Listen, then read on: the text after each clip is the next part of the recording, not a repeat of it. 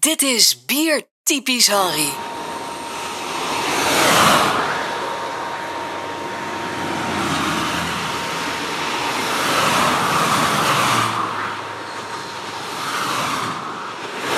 Deze aflevering van Biertypisch Henry brengt ons terug in Duitsland. Want ik ben op zoek naar het verhaal achter Kellerbier. Wat is dat eigenlijk? Het is geen biertype, maar het is wel echt iets specifieks. Waar beter dan te beginnen in Obertrum, bij Jens Lukart van het Biercultuurhuis. Ik ben terug in uh, Obertrum bij uh, het Biercultuurhuis, waar uh, Jens Lukart vandaag weer les heeft gegeven aan de Stibon Biersommeliers. Um, Jens, you talked about today uh, about Kellerbier und ungespundetes or, or. What what is Kellerbier? Because I see Kellerbier sometimes on a bottle, and for me, then it's not Kellerbier anymore. Yeah, Kellerbier in uh, in Austria and Germany is a, an unfiltered beer, so uh, the, the style is not fixed. Also in the World Beer Cup, when you uh, read the description, uh, they say it varies with the style. So sometimes a Keller beer is uh, in in Austria most of the time it's a Märzen, Austrian Märzen. Sometimes it's a Pils.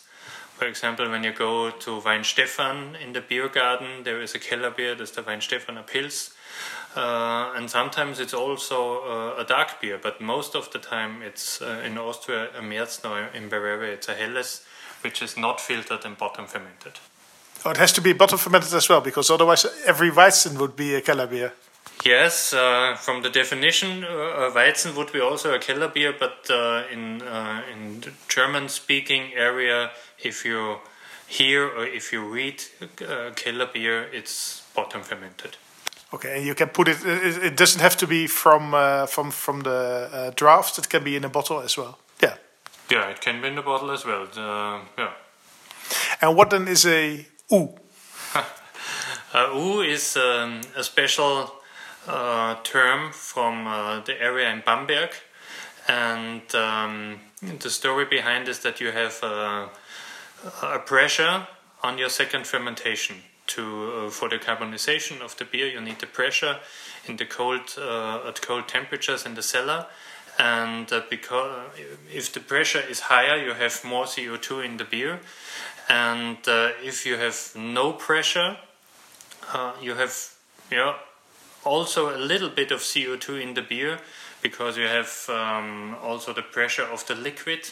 And uh, if you call it U, it means there is no pressure on it. Uh, and uh, the German word for U uh, is ungespundet.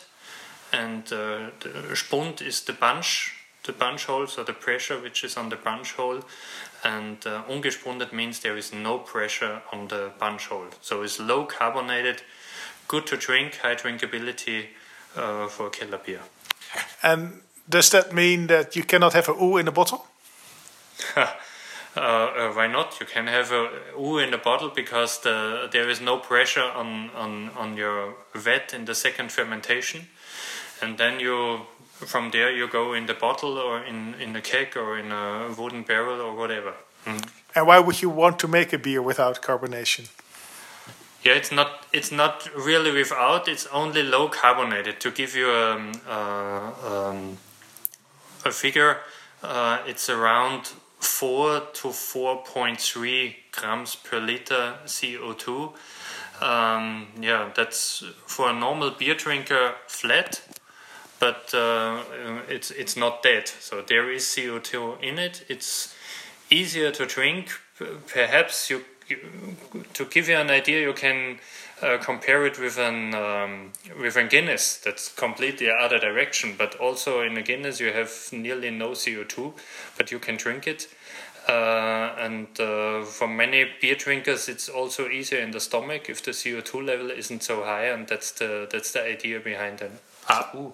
So it's it's close to uh, English real ale, or not? Yeah, like, like the one with the hand pump. Yeah, that's that's a good comparison. Uh, uh, English real ale, but the English real ale most of the time has more hops in it, so the beer style is another. But from the CO two level, uh, gives that gives you a good idea. Yeah. And uh, uh, the real ale you make with the hand pump, how do you dispense an U? How can I dispense a new with a hand pump? I mean, in England you have this hand pump, Yes. but uh, how do they in Germany then uh, uh, serve an U? How do they get it out of the uh, cask? Mm, uh, one um, one possibility would be, and this is most of the time uh, uh, uh, the advantage if you are in Bamberg or, uh, or in this area, that the beer, the, the kegs are empty in a short time. And so you have not the problem that your um, carbonization gets higher and higher because you're too long at the tapping system. Uh, because if you empty a keg, uh, a 50 liter keg in one day, uh, the, the, the CO2 level stays the same. So it's possible to make the tapping also with CO2. Uh, but if you, for example, have a system where the um, um, where you work with a pump, um, it's also possible to, to have an U longer than one day on your tapping system. Or you would do it with the gravity or not? That you just Yeah, you can do it with the gravity. Um, uh, if you want to do it only with the gravity, you have to put the keg on the uh, upside down. Um, that, that would be possible if you want. Mhm. And then uh, uh, one last uh, kind of beer, also I think close to Bamberg, is, is, is Zoigl. What is Zoigl then?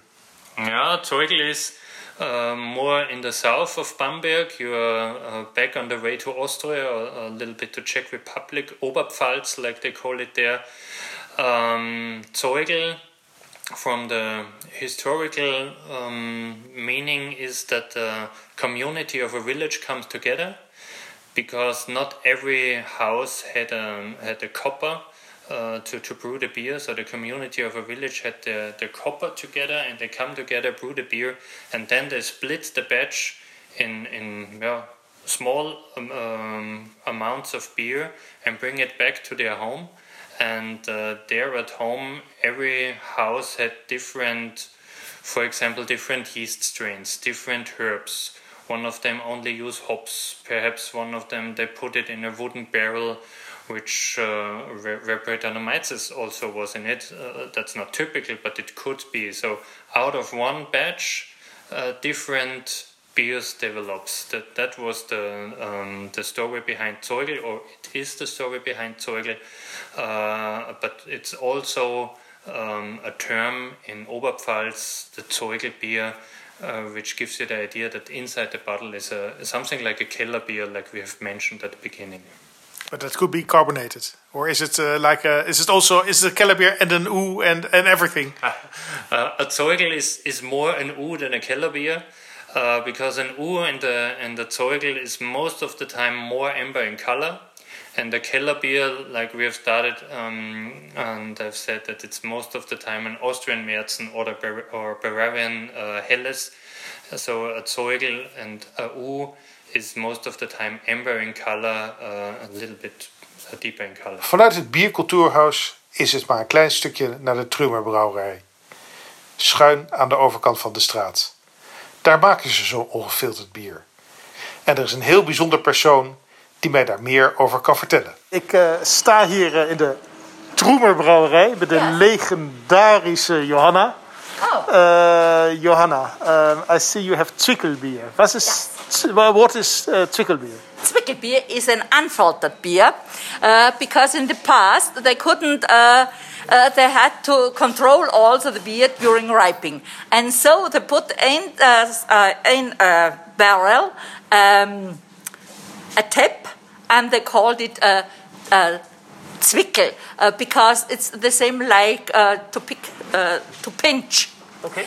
And so uh, the uh, brewers, uh, the knights of the brewer, they uh, tapped off from this uh, tap their beer. And so uh, Zwickel, Zwickeln is also um, to pinch, to, uh, to put the thing away without uh, paying for this. So it was a, it was a secret beer.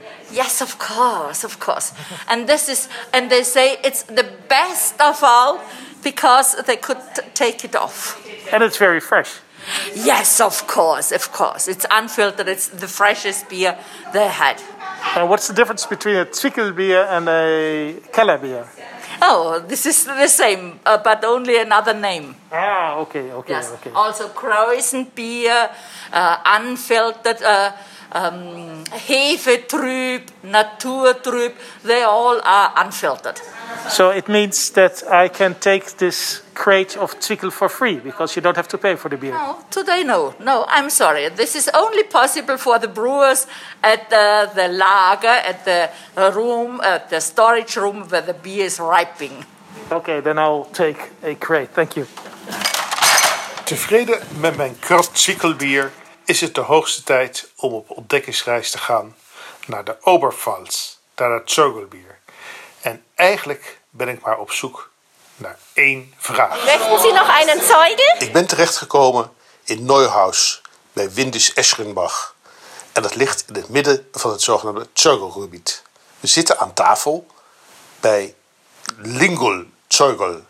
Want daar wordt dit weekend het bier geschonken. Ik zit hier met eh biersommelier Yume Kwee in een echte uh, House. Hoe is, eh, hoe is jouw Zeugel? Ehm, eh, ja, lekker, eh, fris en erg dorstig na de hele dag eh, rijden. Ehm, alleen helaas wel ergens een, klein diacetyltje en eh, misschien is het wel boterzuur. Als in eh, de niet schone leidingen. Dus je bent niet helemaal enthousiast over waar je nu zit. Jawel, want die kaas erbij en gewoon de hele entourage en het hele verhaal achter dit bier is gewoon fantastisch. Dus dat, Be- beschri- beschrijf de entourage eens, waar, waar, waar we zitten. Ehm, heerlijk ehm, eh, hout, licht hout. eh, niks moois, gewoon huiskamer. Met allemaal bruine stoelen en allemaal locals. Ehm, Maar behoorlijk groot. en, Het is echt een, behoorlijk forse schuur eigenlijk. eh.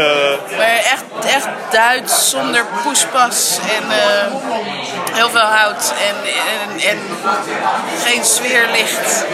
En, eh, maar iedereen heeft naar zijn zin en er wordt heel hard gewerkt. Dus, en, ja, en jaren 70 vitrage. ja, ja, behoorlijk. Want Met een kleine en er wordt, eh, als je je filtje er niet op legt, gewoon nieuw bier voor je neergezet. En alles zit er en alles komt er. Het is zaterdagavond en de mensen eten lekker hier en drinken alles. En eh, Bier zoals bier bedoeld is. eh, ja, zeker. Möchten Sie noch einen Zeuge? En zo kan het makkelijk de hele avond doorgaan. Want Zeugel, dat is een lekker, pretentieloos doordrinkbier. Lokaal, knijtervers en gewoon genieten. Genieten van het bier, genieten van de eenvoudige hap en genieten van de mensen om je heen. Proost. Gaat het nog een beetje, meneer Reuglin?